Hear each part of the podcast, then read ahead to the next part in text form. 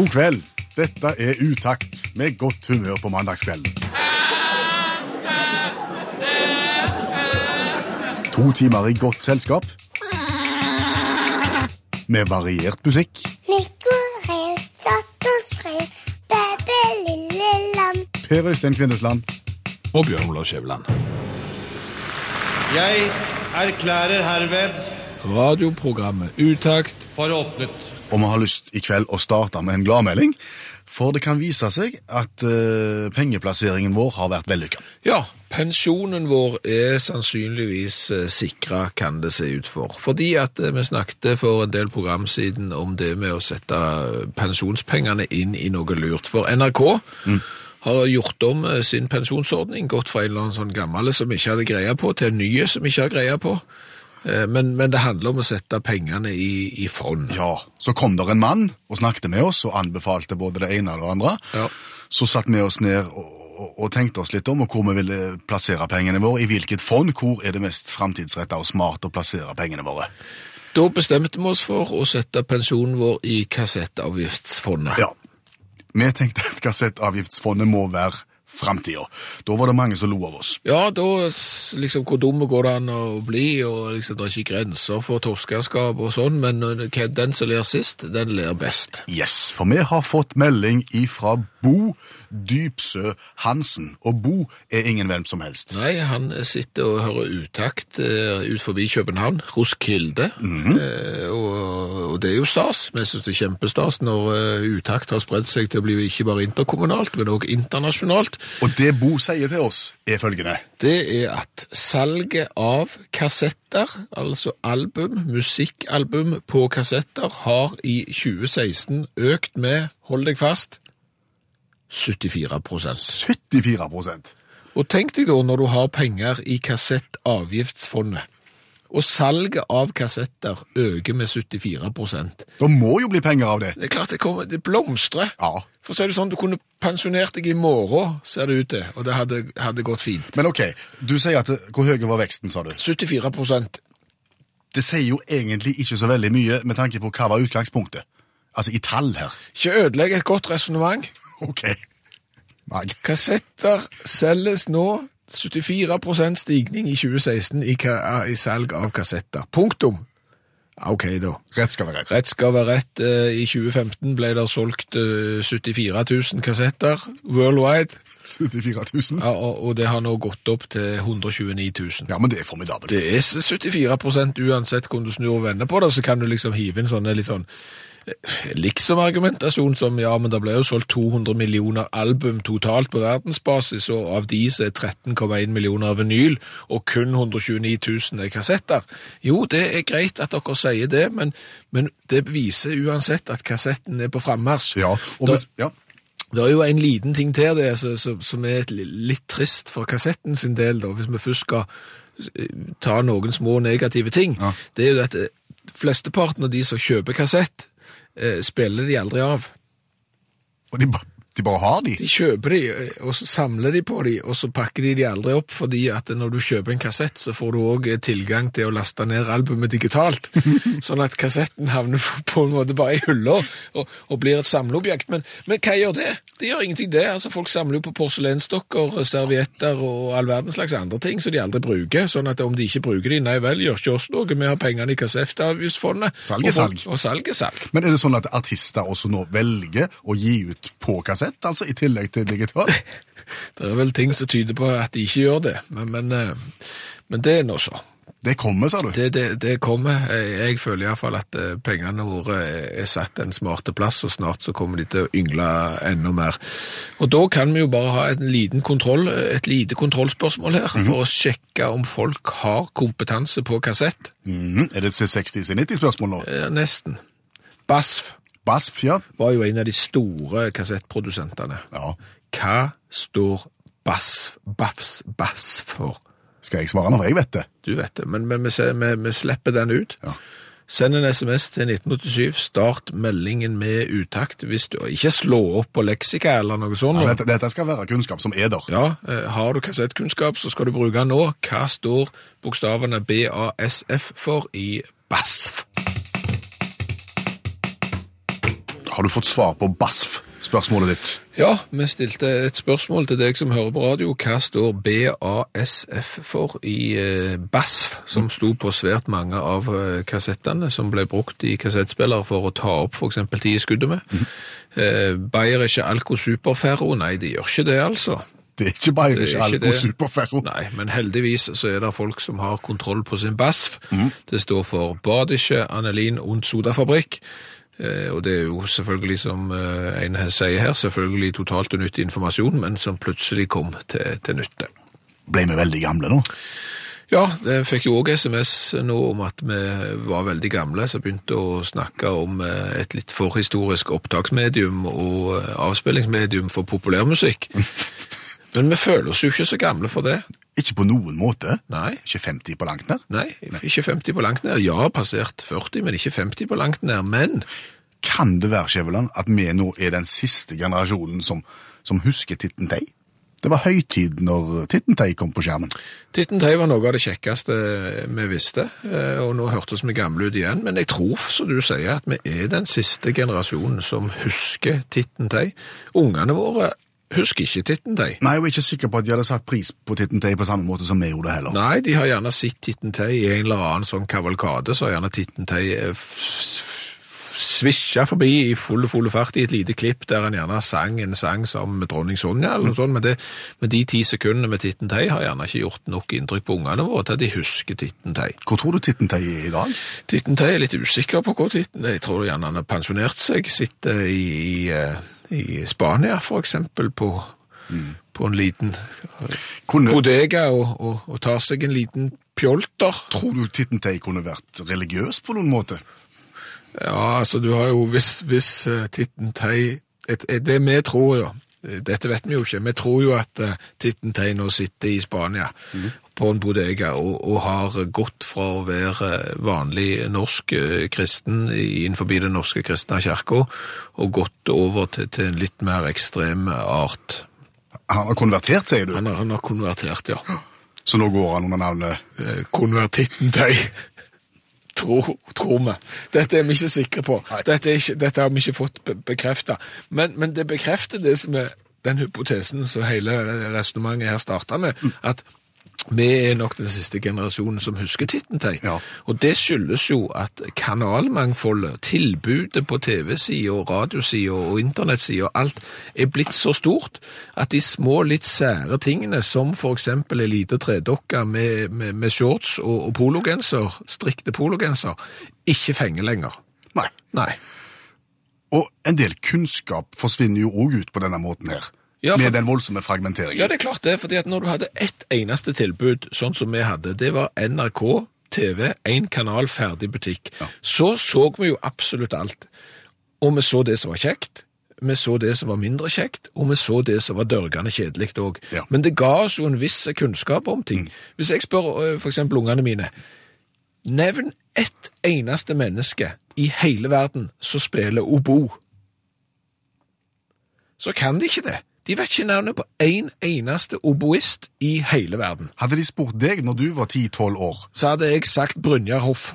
prompte Med en gang hadde jeg sagt Brynjar Hoff. Ja. Uten tvil. Og, og det samme, spør ungene dine, nevn ett eneste menneske som du kjenner som er flink å spille munnspill. Så ler de, og så sier de vet ikke. Ja, så vet de ikke hva munnspill er engang. Og så sitter vi der, og så vet vi, hadde de spurt oss om det samme når vi var mellom 10, 12, 13, 14, 15 år, så hadde vi sagt Sigmund Groven. Selvfølgelig hadde vi det. Ja. Og vi vet folk som spiller på seljefløyte òg, vi. Ja, vi gjør jo det, Steinar Ofsdal. Steinar Ofsdal, for eksempel, og vi kan folk som spiller trompet. Ja, Ole Edvard, tenker Ja, du. og det er jo nesten nytt, sant? men ungene våre kan ikke navnet på en eneste trompetist heller. De kan vel ikke navnet på supergrupper fra 70-tallet heller? Å nei, nei, nei, supergrupper fra 70-tallet, Ballade. Nei, de kjenner ikke Ballade. Nei, Birgitte Grimstad og Åse Kleveland og Lars Klevstrand og Lillebjørn Nilsen. Ja, det var supergrupper. Så sånn kunnskap lærte vi oss, ikke fordi vi syntes det var gøy, men fordi det var den eneste informasjonen vi fikk. Har du lyst å lære noe om kneippbrød? Veldig. Altså kneipkunnskapen, den, den, den, den kan vi ikke få nok av. Nei, altså kneippbrød er oppkalt etter den tyske presten og legen Sebastian Kneip. -hmm. Han var òg i tillegg til kneippbrød kjent for eh, sin vannkur, den såkalte kneipkuren. Og, og, og kneippbrød det kom til Norge etter at en forlags, forlagsbokholder, Søren Mitte, fikk med seg denne oppskriften etter at han hadde vært på et kuropphold i Tyskland, i Bayern. Var han, var han ute på loffen i, i Europa og, og deiste innom kneip? var på Loffen og kom tilbake med kneippbrødoppskrift. Og det er vi nordmenn da som spiser mest brød i Europa, og kneipbrødet er det brødet som vi desidert eh, spiser mest av. Noe sånn som 60 millioner ferske kneipbrød ble det solgt i 2006. Nettopp. Og det som er litt spesielt da med kneippbrød, men også andre brød, men kneippbrød spesielt, det er at hvis du går inn i en helt vanlig butikk, som det finnes mange av i, i Norge, en dagligvarebutikk, så kan du gå i brødavdelingen, og så kan du se at der finnes det kneippbrød som koster 6-7 kroner, og så finnes det kneippbrød som koster nærmere 40 kroner. Ja. Og så er jo spørsmålet, ok, sandmalt hvetemel er vel ingrediensen i eh, kneippbrød. Hva i all verden er det som skiller et kneippbrød som koster 6-7 kroner for et som koster mye, mye mer? Er det bare juks og fanteri, eller er det faktisk gode grunner til å velge det dyreste? Da tenkte vi, nå skulle vi ta, det er jo ikke en vanlig utakt, men, men, men vi skygger ikke banen for en kamp, sånn at utakt nå begynte med litt gravejournalistikk og skulle prøve å finne ut av dette her, så, så besøkte vi en som er baker, men som ikke er baker lenger, for han fungerer ikke som baker, og tenker han må stå fritt, og kan fortelle oss om på en måte kneipens hemmelighet. En uavhengig baker, rett og slett. Ja. Eddie Eidsvåg heter han, Ja, og kan sin kneip. Altså, jeg drev bakeri i Sandnes. Uh, og da bestemte vi for at jeg skulle ha verdens dyreste kneip, og jeg annonserte med verdens dyreste kneip i Sandnes. Og det var en kneip til 96 kroner.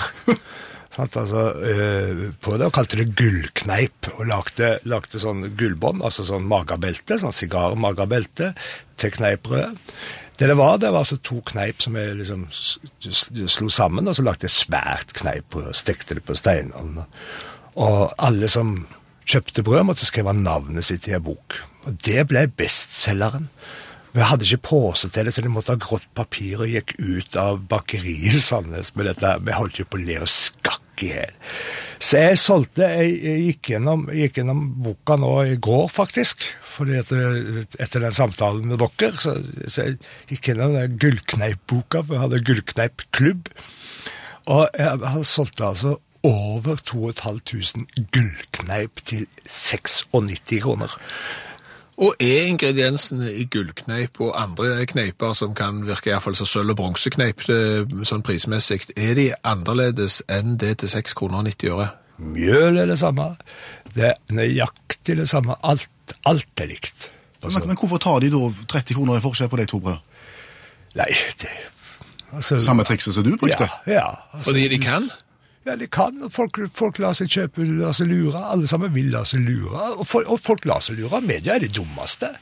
Altså, Dere i media er jo helt på trynet når det gjelder å bli lurt. Jeg kjøpte jeg et bakeri i Oslo. Så, så kjøpte jeg kneippbrød på brødfabrikken, på kneippbrødfabrikken. Jeg betalte to kroner for kneipen som jeg kjøpte. To kroner og 20 øre eh, den gang, vi snakker nå 86. Eh, og la de hyllene på Aker Brygge, og tok da, jeg tror det var 29 kroner. Det, det er noen som påstår det var litt mer, men jeg tror det var 7-8-29 kroner jeg tok for det. Eh, samtidig som jeg henta disse om morgenen, for jeg måtte ikke la folk få se at jeg henta det fra brødfabrikken, eller jeg fikk det derfra, så tok jeg med til naboen, som var da Ica-butikk, som solgte samme brød for 4 kroner og 90 øre. Eh, Jeg var tom hver dag og solgte noe vanvittig på disse kneippbrødene til den prisen den gangen. Mens han hadde alltid brød igjen. Vinge gikk og kjøpte der. Så kom VG og skulle ha en stor kneippbrødtest. Den store kneippbrødtesten, hvor unge Eidsvåg klarer å få terningkast seks på min kneip, som da var brødfabrikken. Men stakkars Joakimsen, som drev Ica-butikken ved siden av, han fikk terningkast to og måtte nesten slutte å selge kneip. Mens jeg plutselig så solgte jeg dobbelt så mye opp i 120 kneipen og sånt, på, og det var mye, altså Samme kneipen. akkurat samme kneip. Og mine var, mine var kanskje enda litt dårligere, for jeg tok de der som lå bakerst. For jeg, jeg hater kneip. Det er skitten loff. Men er det dit hen å forstå at eh, du kan gå i butikken og, og kjøpe et av de billigste brødene og være fornøyd med det?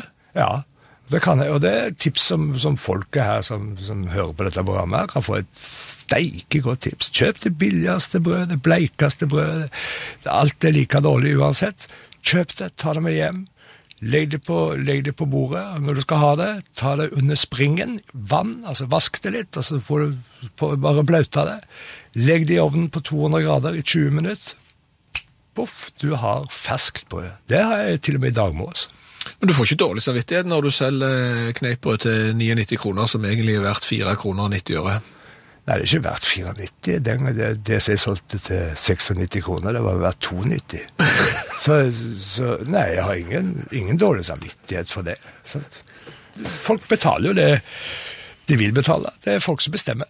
Brød er, sunt, brød er godt, og så kommer det sånne uh, døgnikker som Lindberg og co., og så kommer egne brød, og så priser de det vanvittig opp. Så hiver jo selvfølgelig bakerne seg på. Bakerne er jo ikke de som ligger i front, de, ligger liksom, de står opp tidlig, men de er jækla seine på å handle. Så de ligger liksom etter ganske lenge. Men de har gode brød, bakerne baker gode brød, de kan faget sitt. Men folket vil la seg lure. tusen takk, Eddie Eidsvåg. La meg stå fram, eh, først som sist. Jeg kjører kanskje verdens dyreste lommelykt. Ja. En elbil som begynner på T og så slutter på S-la. Ja, det gjør jeg. Og, og den har en sånn en fiffig funksjon, og, og det er jo ikke bare den bilen, så har det mange dippedutter, biler og, og andre ting har jo sånn at det, det går an å snakke til dem. Ja. Du kan gi de instrukser, og så gjør de det. Ja, eh, og det, det ja, er det mange biler som har òg. Du kan f.eks. si hvor du skal kjøre til, og så kommer GPS-en opp med noen forslag, f.eks. Men, men jeg må si det at i den lommelykta som jeg kjører, den funksjonen når jeg skal si hva sang jeg har lyst til å høre, den irriterer meg nå etter hvert. Oh, ja, for han, han, han innbyr til det at du kan si spill den og den melodien fra den og den artisten, og så skal han gjøre det. Yes, Det virker da sånn at jeg holder inne en knapp på rattet, og så kan jeg si en funksjon. Hvis det er musikk det er snakk om, så sier jeg play. Ja. Og hvis jeg da vil ha artisten, så sier jeg play, og så den og den artisten. Sant? Og, og så kjenner han ikke igjen alle disse her oh. artistene som jeg prøver å, ha lyst til å spille. Og det er klart, nå, nå er jo jeg litt eh, enspora i musikkvalget, men, men for eksempel det gigantiske eh, eh, kanadiske progrockbandet Saga, for eksempel. Det er jo ikke veldig vanskelig. Saga, sant? Play Saga. Play Saga. Hva spiller lommelykta da? Song. Da kommer han opp med et forslag. eh, play song. Så prøver jeg meg liksom med Sega. Nei, sang da òg. Ok, vi går til min neste favorittartist, som jo er Phil Collins. Jeg tenker jeg har relativt bra svung på Phil Collins. Play Phil Collins. Hva spiller lommelykta da? Phil Cole.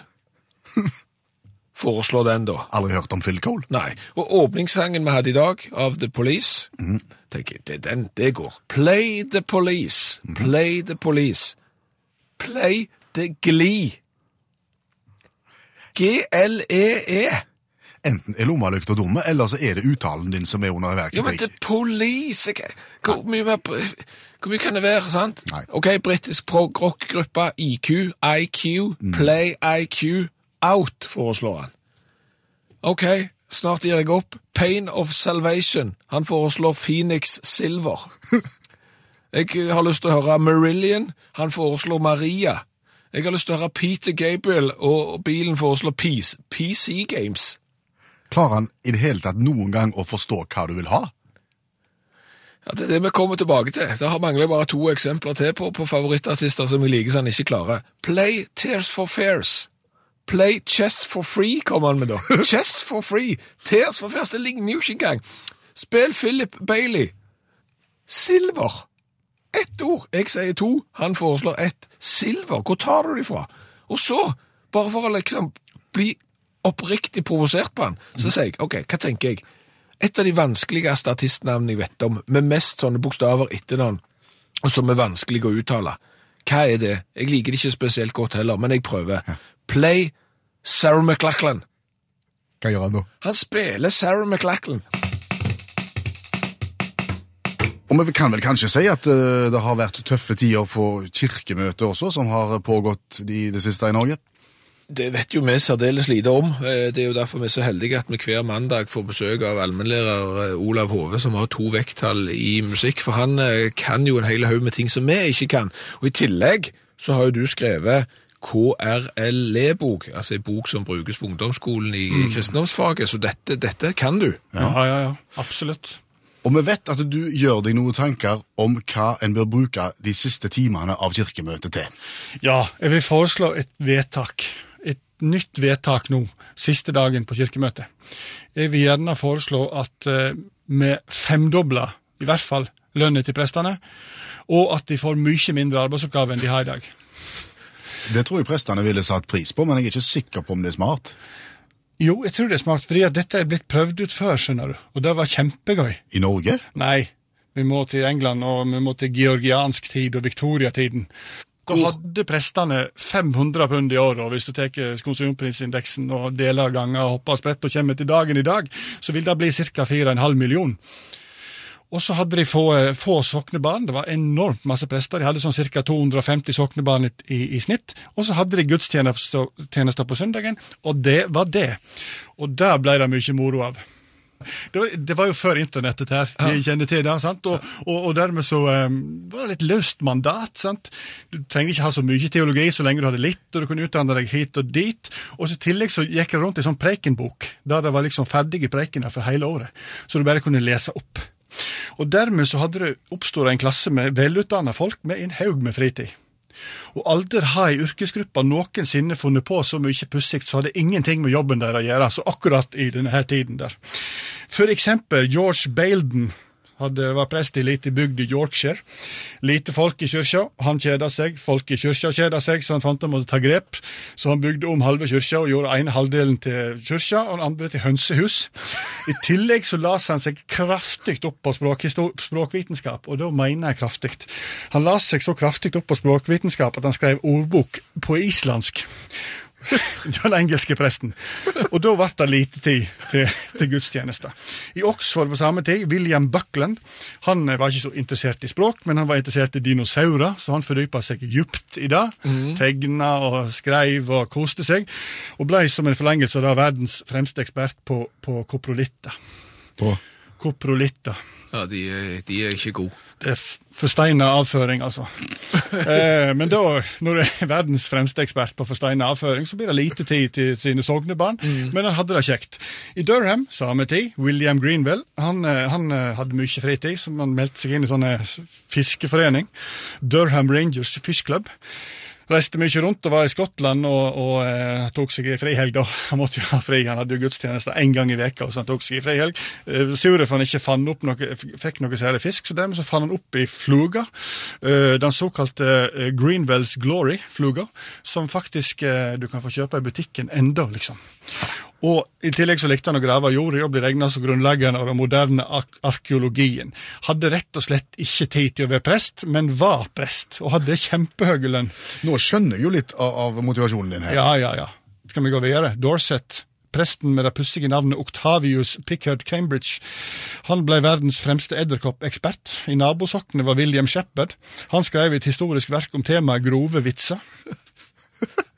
Sabine Baring Gold skrev salmer, vel å merke, men ble òg den første forfatteren som omtalte varulver i romanene sine. I, og i Manchester George Garrett. Han, eh, han, ble, han fikk sin prestestilling i kirka til faren sin, og så drev han med mye andre ting. Fant opp ubåten. Eh, faktisk. Eh, kalte ubåten sin for Resurgam. Dumt å kalle ubåten Resurgam, for det i latin betyr betyr 'jeg skal stige opp igjen'. Og den 14 meter lange ubåten sank under et uvær i Iskesjøen og skulle aldri stige opp igjen. Og Da ble George Garrett så lei seg at han ga opp prestegjerningen. Og det er klart, da, er du prest, og du får ikke ubåten din til å virke, så er det bare å gi seg. Så det dette viser, får en eh, prestestand med utrolig god lønn og sinnssykt få arbeidsoppgaver, så de har enormt mye fritid, så kommer det såpass mye godt ut av at allmennheten nok kommer best ut til slutt. En kreativ oppblomstring, rett og slett. Tusen takk, allmennlærer med to vekttall i musikk, Olav Hove. Ikke si at en vignett ikke gjør noe med deg. Jodling på radio er veldig gøy i små mengder. Ja. Og jodling på radio på mandagskveld indikerer konkurranse. Vi har ringt opp Grete Wergeland, for Grete har svart rett på inngangsspørsmålet, som lyder Ja, det er hva hun heter og hvor hun bor, og hun har svart at hun heter Grete Wergeland, og det er jo rett, og hun har svart at hun bor eh, på Slemmestad, og det er jo greit. Velkommen med i laget, Grete. Tusen takk. Kjenner du til konseptet konkurranse i utakt? Ja, jeg har hørt det før, ja. Bra.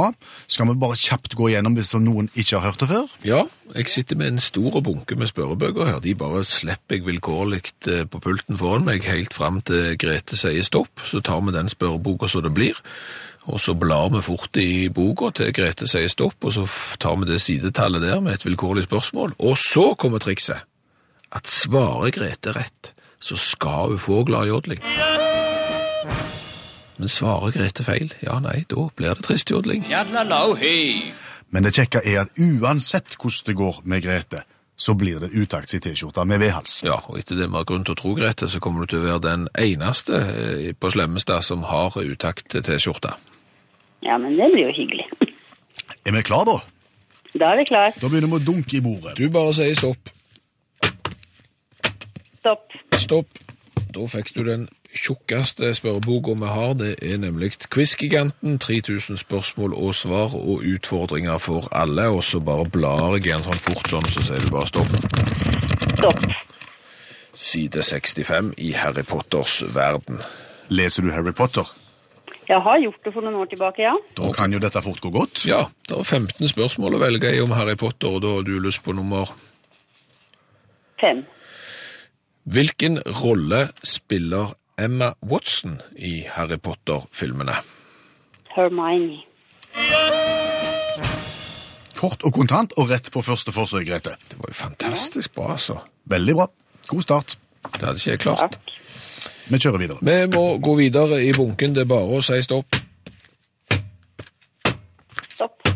Stopp på Jeg må ikke hive de så hardt, de er så gamle og skjøre, disse spørrebøkene. Nå begynner det å gå i oppløsning. Eh, Dette her var da Peter Nødts eh, spørrebok for barn, nummer 19 fra 1975.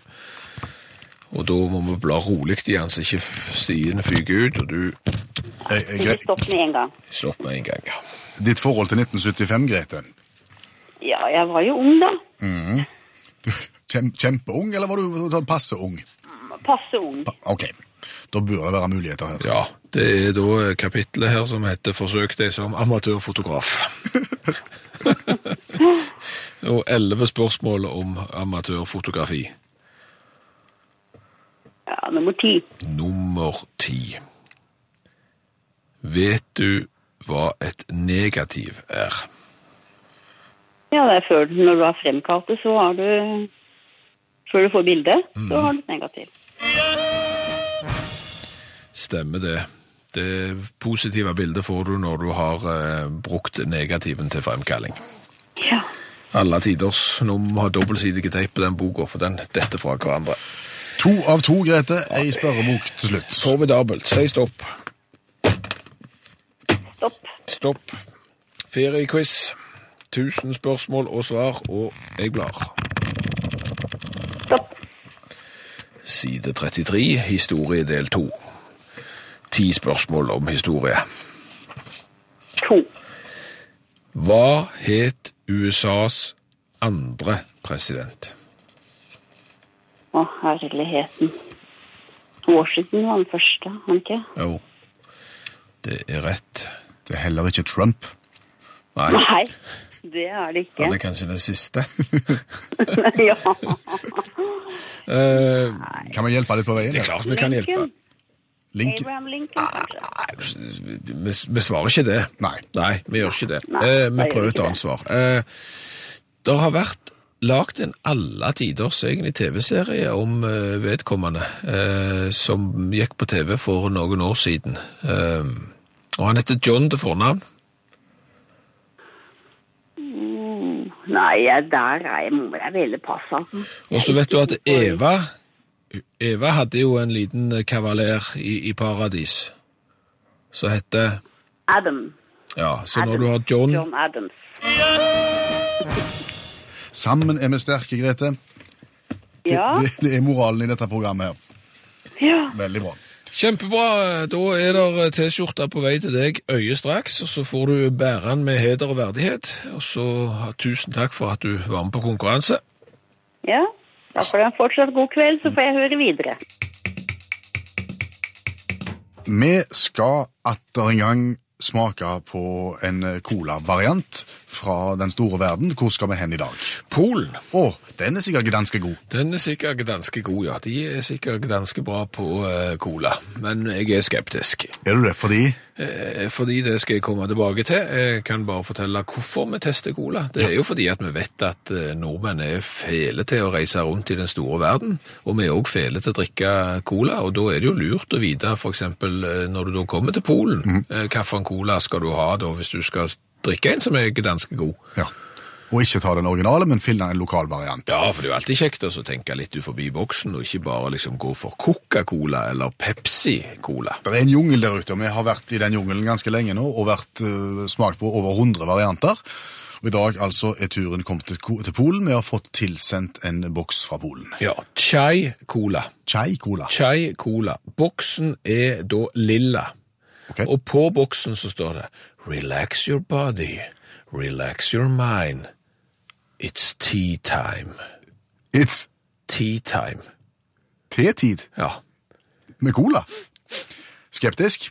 Uhyggelig skeptisk, og, og, og bare det liksom med relax your body, relax your mind, it's tea time, og fargen er lilla. Der lukter jo folkehøyskole og, og høye polo, strikte pologenser her, og massasje lang vei, sant? Altså, Skal du ha Enja? ja? Her skulle du hatt Enja og, og røkelse og, den slags, og, så står det også liksom no artificial colors and flavors.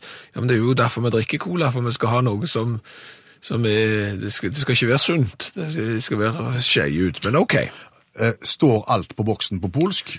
Alt på boksen står nesten på polsk eh, bortsett fra disse herrene relax your body, relax your mind, som jeg eh, leste høyt. Da må du nesten kjøre den gjennom et oversettelsesprogram, for Ja. polsk behersker vi ikke per i dag. Nei, det gjør ikke det. Eh, Hør her. Chai Cola er 100% naturlig og kombinerer lett kullsyreholdig drikke, den avslappende effekt av te, chai-te, og en ekte smak av colanøtt. Ytterligere beriket med aromaer av kanel, ingefær og nellik. Og det høres pinnringt ut.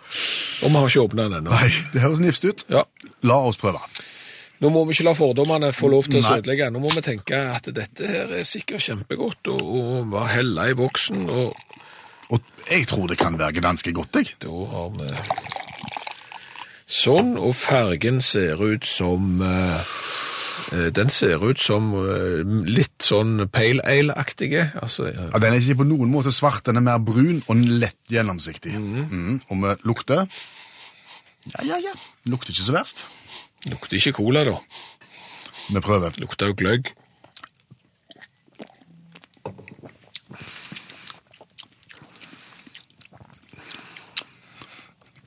Hva var det? Hva var det?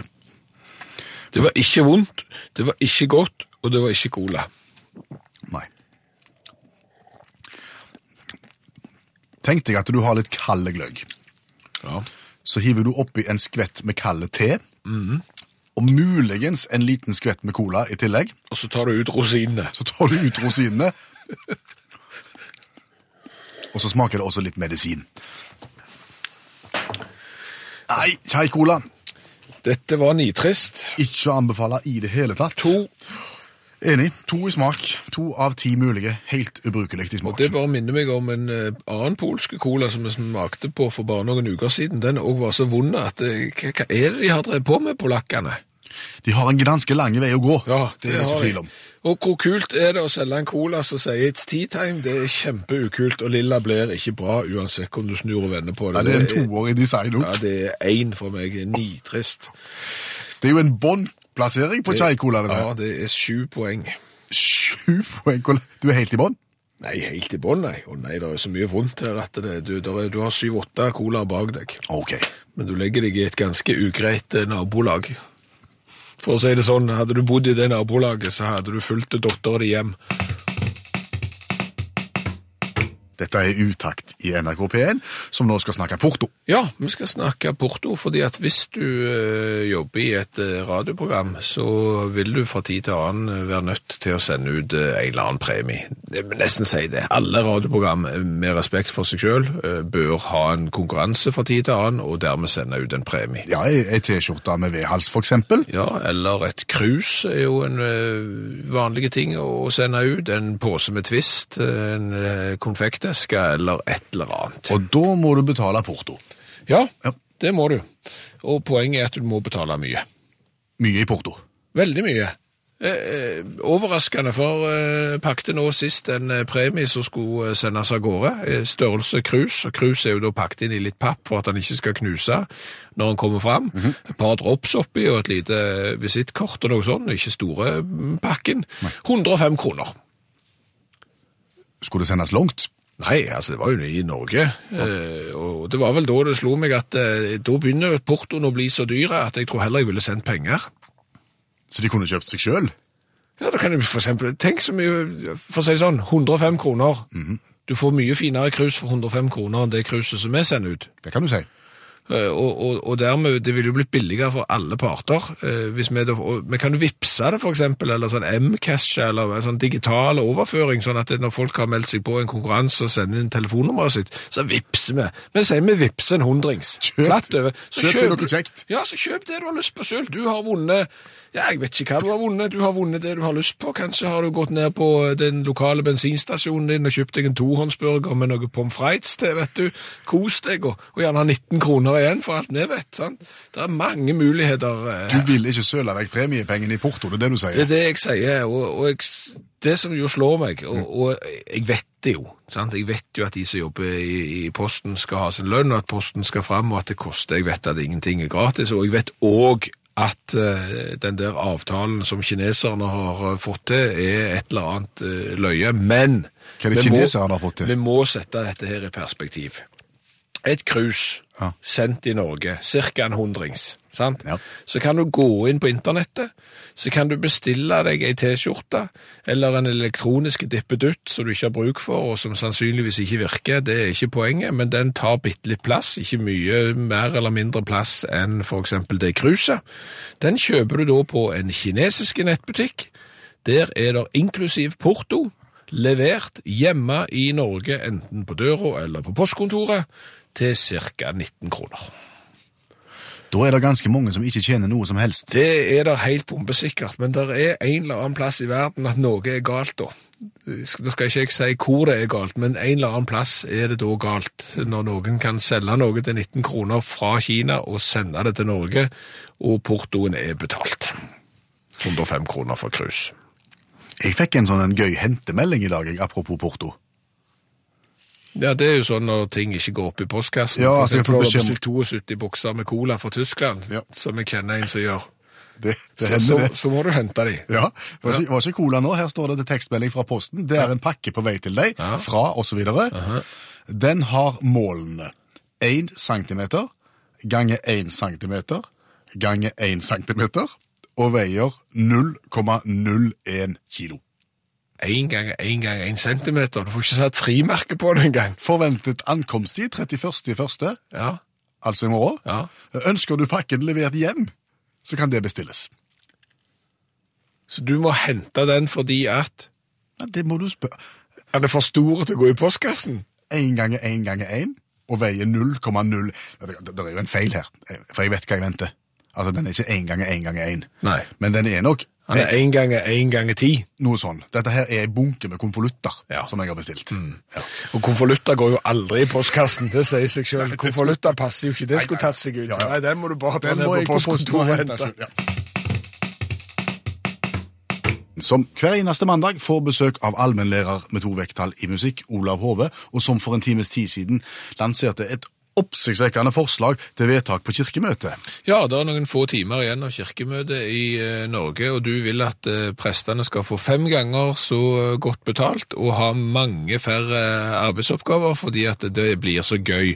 Og da henviste du til England på Victoria-tida, der prestene tjente i sukk og kav noe sånn som 4,5 millioner kroner, og nesten ikke hadde noen ting å gjøre. Og derfor så gjorde de mye annet kjekt. Ja, mye annet kjekt. Kan jo ta John McKenzie Bacon. Wicker i Berkshire. Wicker det samme som prest. Han eh, Han oppfant baconet. Nei, han gjorde ikke det. Men han var pioner på andre ting. Han, eh, han eh, var prest, ja, men hadde masse andre interesser. Han og kona og Gjertrud Bacon. Gjertrud ville ikke ha McKenzie med, hun syntes det holdt med bacon. Jeg også synes det holder med bacon. ja, det, de hadde en drøm om å filme en solformørkelse. Fordi at da likte de. De var interessert i det og ville filme det. Var i Vadsø og i Tyrkia og litt sånne ting. Eh, klarte det òg, men mista filmen. Det hører med til historien. Men uansett, når de fikk det, der, så, så hadde han òg én drøm til, han eh, John McKenzie. Bacon og Gjertrud. Det var at de skulle filme eh, Stonehenge ovenifra, for da kunne de se noe tegn, trodde de. eh, eh, og, det, og hvordan kommer du over Stonehenge? Ja, da må du flyge, og dermed så investerte han i ballong, sånn flygende ballong, og ble dermed en pioner innenfor ballongflygning. da. Presten Bacon. Preston Bacon, ja. Eh, Fordypa selvfølgelig ballongflyging, tok bilde fra ballongen og ble, ble, har derfor fått tittelen som eh, luftfotografiets far. Lite åndelig føde både på han og kona, eh, men sikkert mye bacon. Thomas Base prest i Turnbridge Wells i Kent, ble, beskrev, ble beskreven som en fullstendig avstumpa predikant med håpløse talegaver og manglende autoritet, men flinke med matte og slikt. Så han fordypa seg i det, eh, kutta ned, hadde korte gudstjenester, utvikla Base-teorem. Det er en haug med sånne uendelige symbol, parenteser, brøkstreker og en, liktegn her og der. Skjønner ikke en døyt, men er visst brukt i sannsynlighetsregning i de fleste områder i dag. Innenfor eh, klimaendringer, radiokarbondata og masse sånn greier. Ble populær, men en dårlig prest. James Woodford eh, fra Weston Longwill, han skrev dagbok. Han var også beskreven som en lite lærd, lite begava og lite religiøs person, men prest var han. Skrev dagbok, døde boken ble glemt i 200 år og ble utgitt eh, i forkorta form i 1924. Og uh, The Diary of a Country Parson ble en bestselger. Og denne boka har jeg sett, og hvorfor den ble en bestselger, vet ikke jeg. Det er i praksis en beskrivelse av konstant overspising. Han her godeste Woodford han var opptatt av å ete, lite opptatt av alt mulig annet, og han beskrev hva han et. En vanlig tirsdag i 1784 hadde han følgende til middag. Flyndre i hummersaus, vårkylling, oksetunge, roast beef, suppe, ikke spesifisert hva suppe det er, kalvefilet med morkler og trøfler, svinepei, kalvebrissel, gås med erter, aprikossyltetøy, ostekake, stua sopp og fruktkompott med krem. Eh, og slik går det hele boka. Var det én dag. Det var en dag. Da Han trenger jo 4,5 millioner i årslønn han for oss å betale det der han er gilde der. Ja, ja, og så kan jeg ta Det skjedde jo dramatiske ting. Søsteren hans døde, og da skriver han 'Sørger over min søsters død, men den saftige kalkunsteken etterfulgt av plumpudding og plommeterte bedret humøret betraktelig'. Stormingen av Bastillen var jo dramatisk i 1789. Mange var omtalte det. Da skriver den godeste presten 'deilig frokost med egg, bacon, skinke, stekt and og svinenakke'. Så viser det seg at den anglikanske kirka aner jo selvfølgelig etter hvert ugler i mosen. Når alle prestene begynner å veie 350 kilo, da anes det. ja, så sjekker de opp litt og, og viser seg at det er langt under 20% som går i kirka. Det viser seg at til tross for at de er flinke til å bygge ubåter og skrive islandske ordbøker, så er gudstjenestene dørgende kjedelig, og dermed var det slutt på moroa i 1851. Men kanskje vi kunne ha innført det på nytt. Hva skjedde i 1851, da? Da ble det litt lavere lønninger, og prestene måtte konsentrere seg om å være prest. Takk skal du ha, Olav Hove, allmennlærer med to vekttall i musikk. Kan jeg få lov å synge en vignett? Hvis du tror det er god radio, Ble veldig stuss. Gi meg noe klang, da. Da blir han bedre, tror jeg. Sånn. Ja, da tror jeg det blir god radio. 20 spørsmål fra Studio K7. Uten band og publikum, og bare meg og deg i studio, og ingen som har sendt inn postkort med ord på. fortsatt ikke sikker på om det er god radio, men vi har prøvd det noen ganger, og av og til så er det ganske underholdende. Fortell hva det går ut på. Det er jo den legendariske 20 spørsmål-konkurransen i NRK som utgangspunktet her. Det er jo et programkonsept som ikke lever videre lenger, men vi har på en måte tatt litt av ideen. Men vi har ikke publikum, og vi har heller ikke folk som sender inn postkort med ord på som eh, et panel skal gjette.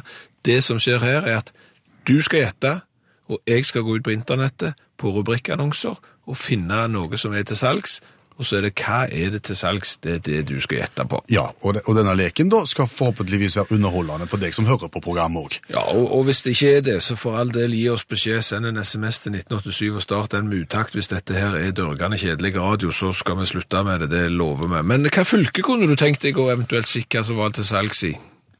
Jeg tror jeg har lyst på Østfold. Østfold. Da går vi ned der, og så, da sier vi at vi tar Østfold med alle de kommunene som finnes der, med Askim, Eidsberg, Fredrikstad, Halden osv. Og, så og så tar vi den sist innkomne annonsen som er der, ja. Noe som er for salg i Østfold. Stemmer det. Skal du si det til alle som hører på nå, mens jeg trekker meg vekk? Ja. Så skal jeg ikke høre det. Drivhus. Drivhus. Da var vi klar. Da er vi klar. Jeg har 20 spørsmål på meg.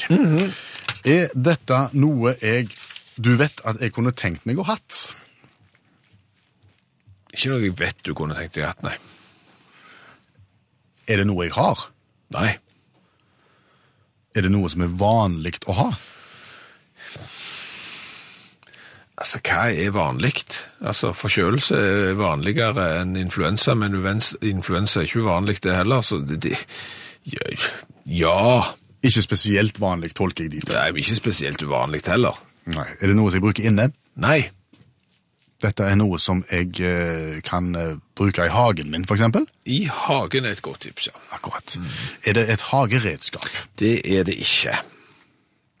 Er det noe jeg kan eh, sitte og kose meg i en varm sommerdag i hagen min? Det skulle jeg likt å sitte. Spesielt på en varme sommerdag. Så kunne det vært alle tiders artig, men jeg tror ikke det. Nei. Så, det, så det, dette hører overhodet ikke hjemme på terrassen? Eller, eller er, det, er det et hagemøblement? Er det noe som hører til, altså, ja, Kan det brukes på terrassen? Den kan brukes på terrassen. Men er, er det hagemøblement? Nei. Nei. Er det en grill? Nei.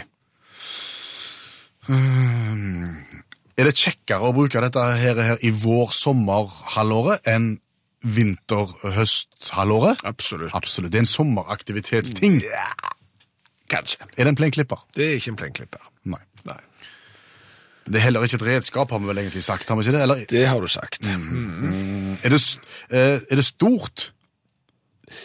Eh, Dette er passe stort, og de varierer i størrelse fra bitte små til kjempestort. Men dette som vi ser på nå, er passe stort. Ok, så dette er på en måte hagevarianten av noe som egentlig kan være kjempestort, som du ikke får plass til i hagen. Eh, ja. 14 spørsmål. Er det mer i bruk noen steder i landet enn andre steder i landet? Ja. Så det at jeg har valgt, er det, er det, er det, er det naturlig at dette er for salg i Østfold? Mm, Ikke unaturlig. Vil det være like naturlig i Rogaland, for å si det sånn? Ja, like naturlig i Rogaland, kanskje ikke fullt så uh, naturlig i stor skala, f.eks. på Svalbard. Nei. Det- Spør om det er mye glass på det. Er det et akvarium? Ute i hagen på terrassen. Et utendørs akvarium må jo, må jo være mulig for. Er det et drivhus? Det er et drivhus, og det var akkurat på 20 spørsmål. Ja, drivhuseffekten. Det er drivhus. Det er da drivhus til salgs for 8490 kroner på Kråkerøy. Det er jo et varp, etter det jeg har grunn til å tro. Ja, bare tenk porto. Jeg skal sende det òg, ja. ja. Men det var et, rett og slett, ja, et drivhus. Den var ikke enkel. Nei, det er ikke enkelt. Det, det er 20 spørsmål, det skal ikke være lett heller. så Men var det god radio, tro? Ja, det må vi nesten eh, gå inn og se på. Nå svarer vi jo at folk kunne sende inn en sms til 1987 og begynne den meldingen med utakt. Og så fortsett med 20 spørsmål. Sånn underholdning liker vi. Mm Se. Takk skal du ha, Åse. Da fortsetter vi iallfall ei uke til.